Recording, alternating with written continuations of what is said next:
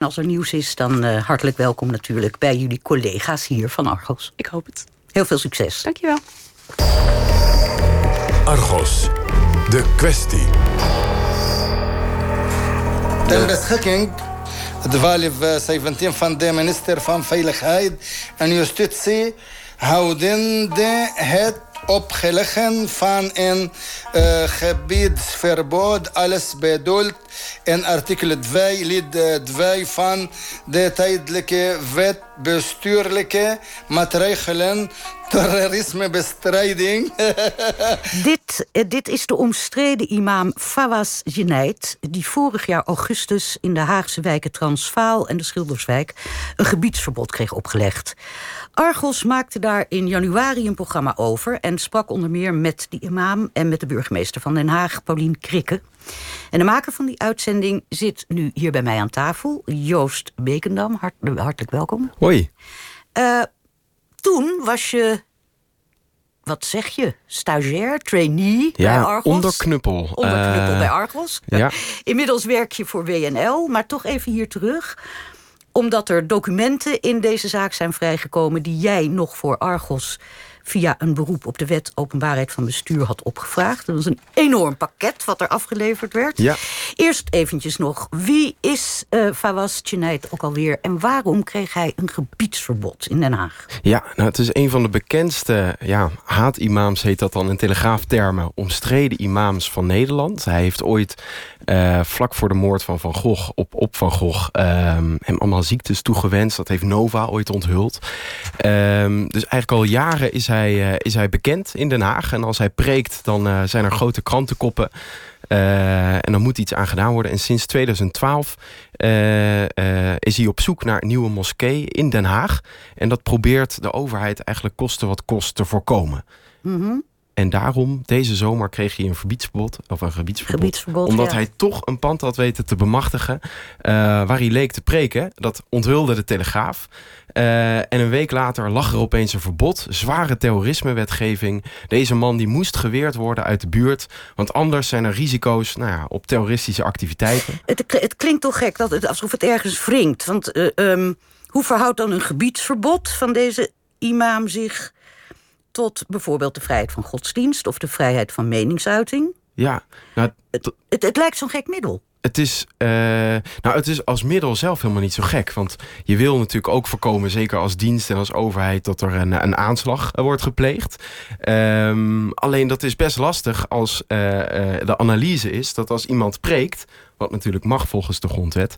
En door dat preken toch ook jongeren wakker kan maken. Of in ieder geval rijp kan maken voor, voor terroristische daden. Dus als je als dienst denkt... Uh, door dat preken lopen, lopen wij als Nederland gevaar. Ja, wat doe je dan? En uh, nou ja, één is, klopt die analyse wel van de diensten? Want hoe controleer je dat? Want het zijn diensten. En twee, ja, dan kom je in een soort schimmenspel van toch maatregelen nemen... om iemand uh, van een bepaalde plek vandaan te houden. Of te voorkomen dat hij preekt, zonder dat, dat het zo mag dat heten. doe je natuurlijk met een gebiedsverbod niet. Want dit gaat maar om, om, om twee wijken. Nederland ja. is een stuk groter dan deze twee wijken. dat is zo, maar dan zie je bijvoorbeeld ook in die WOP-stuk... en ik heb ze ook bij me... Dat is een klein uh, stapeltje papier. Ja, dan zie je het overleg tussen politie, gemeente, uh, diensten. De het e-mailverkeer? Uh, het e-mailverkeer. Want ja, mondelingenverkeer kun je helaas niet opvragen. Ehm, maar dan zie je bijvoorbeeld, er zijn eh, afspraken gemaakt met, met de gemeente Leidsendam. Waar, waar hij woont. woont. Mm -hmm. en er wordt bijvoorbeeld afgesproken, nou ja, daar... daar bidt hij dan af en toe. Maar laat de, laat de overheid daar dan weten... ja, hij bidt daar alleen maar, dus dan is het geen gevaar. Dus je ziet dat ze eigenlijk al aan het overleggen zijn en kijken... Uh, zolang hij maar niet gaat preken, uh, is het eigenlijk oké. Uh, want dat, ik vraag me af of dat ook blijkt uit die stukken... dat de overheid zelf ook echt wel flink worstelt met de vraag... hoe hem aan te pakken. Zij voelen natuurlijk ook wel dat dit niet even een, een gemakkelijke handeling is. Het gaat om verboden. En je kan iemand het spreken niet verbieden. Nee. Uh, je kan iemand het geloven niet verbieden. Nee. En dus gooi je het maar op, op, op een locatie. Nou, ja...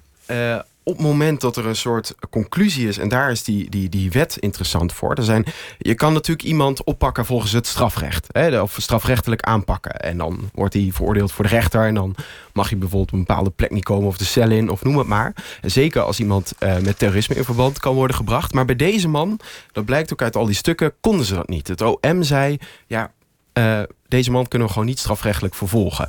Maar, zeggen de diensten, ja, het is toch een risico. Uh, waarom ze dat vinden, uh, dat is een beetje onduidelijk. Uh, maar goed, uh, dan is er een speciale wet. Dat is die, die wet die nu is toegepast.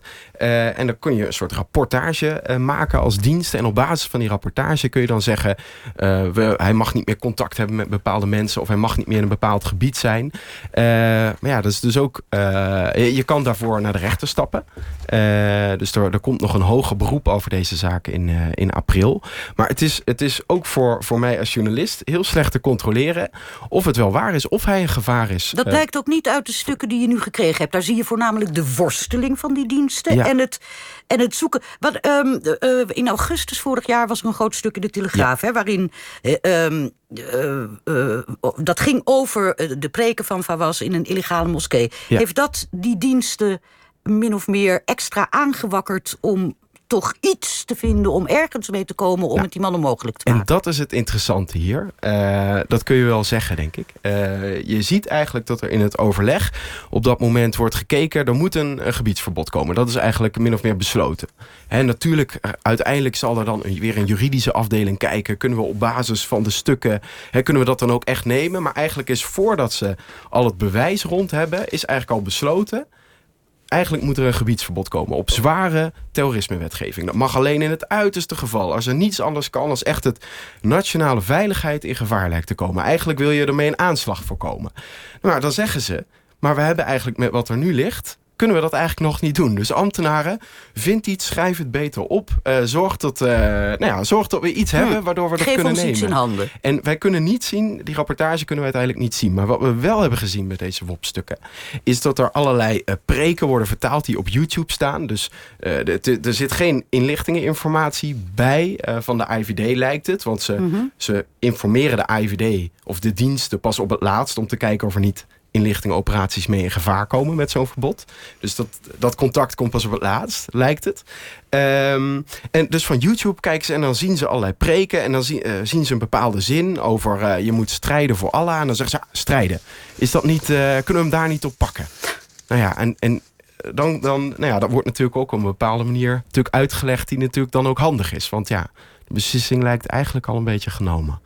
Wat eh, blijkt er. Heb je nog meer nieuws kunnen halen uit die WOP-stukken? Nou, eh, Behalve de worsteling en dat er niet echt iets heel erg feitelijks in handen was. Nou, eh, het interessante is dat er eh, van het najaar en ook van de zomer was er meer nieuws. Omdat ook een andere radicale prediker, eh, de heer Amaouch, die was uit België gezet. in juli was dat. En die zou naar Nederland gaan. Hè, ook ophef in, in, de, in de media. En nou blijkt uit deze stukken dat ook hij aanwezig was in dat eh, pand van Fawaz Tjenheid in eh, Den Haag. Dus deze hele In operatie... dat illegale pand. In, in- nou ja, eh, inderdaad, waar een moskee. moskee Ja, zat, ja. inderdaad. Het pand mocht er staan, gelukkig. Althans, of gelukkig. Nou ja, dat mocht er staan. Maar het had geen bestemming kerk of moskee. Nee, Dus, maar het, dit zou dus nog ook iets groter kunnen zijn. In de zin dat het niet alleen om Fawaz te doen is geweest... maar ook om die Amaouch. En of die daar dan gepredikt zou hebben of niet... dat is hem natuurlijk een beetje onduidelijk. In ieder geval is hij ook in dat pand geweest in die maanden... nadat hij dus was uitgezet uit België. En dat blijkt uit deze Ja. WOP-stukken. Ja. Ehm, Paulien Krikke, de burgemeester van Den Haag...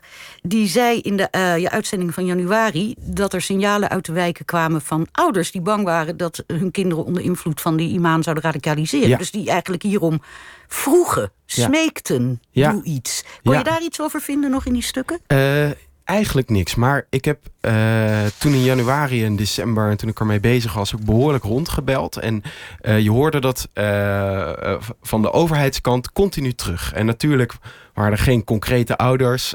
dus ik heb ze allemaal niet gesproken, die ouders. Ehm, maar continu hoorde je terug dat inderdaad ouders van Syriëgangers, ook uit die wijken, mhm. of, of bezorgde buren, wie het precies waren, weet je dan natuurlijk ook niet, gewoon bezorgd opbelden met, ja, met allerlei gezagsdragers en mensen in die omgeving van de, van de overheid, laat ik het zo noemen. maar ja, dat kan ik dus niet controleren. Dus het lastige is, het lijkt ook een beetje met druk op de telegraaf in een stroomversnelling te zijn gebeurd. Er moest iets gedaan worden om die man daar niet te hebben. Uh, er was natuurlijk ook negatieve publiciteit over de burgemeester. Van dit kan toch niet dat die man hè, eh, daar predikt. Burgemeester, doe iets. Maar daarachter uh, ligt natuurlijk de vraag: is, het, is hij een gevaar voor de nationale veiligheid? En dat kun je niet bevestigd krijgen nog ontkend krijgen. En, eh, en dat is dus ook een beetje schimmig. In april is de uitspraak van de Raad van State ja. hierover. Ja.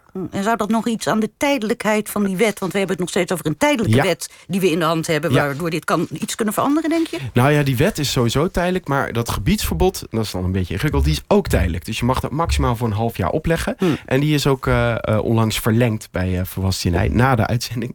Dus dat heeft er geen verschil voor gemaakt. Maar goed, uiteindelijk zal de rechter een streep door dit ene verbod kunnen halen. En dat heeft dan wel weer natuurlijk enorme implicaties voor hoe in de toekomst zo'n verbod wordt opgelegd of juist niet. Goed, dankjewel Joost Bekendam. Jij en ook wij blijven deze zaak natuurlijk volgen. Ja. Dit was Argos. Wilt u terugluisteren? Ga dan naar argos.vpro.nl. En we is natuurlijk onze nieuwsbrief en de podcast. Allerlei manieren om Argos te volgen. Zondagavond meer onderzoeksjournalistiek bij de collega's van Reporter Radio om 7 uur. En volgende week zijn wij er weer met een onderzoek naar achtergronden bij het nieuws of zaken die in het nieuws zouden moeten zijn. Zometeen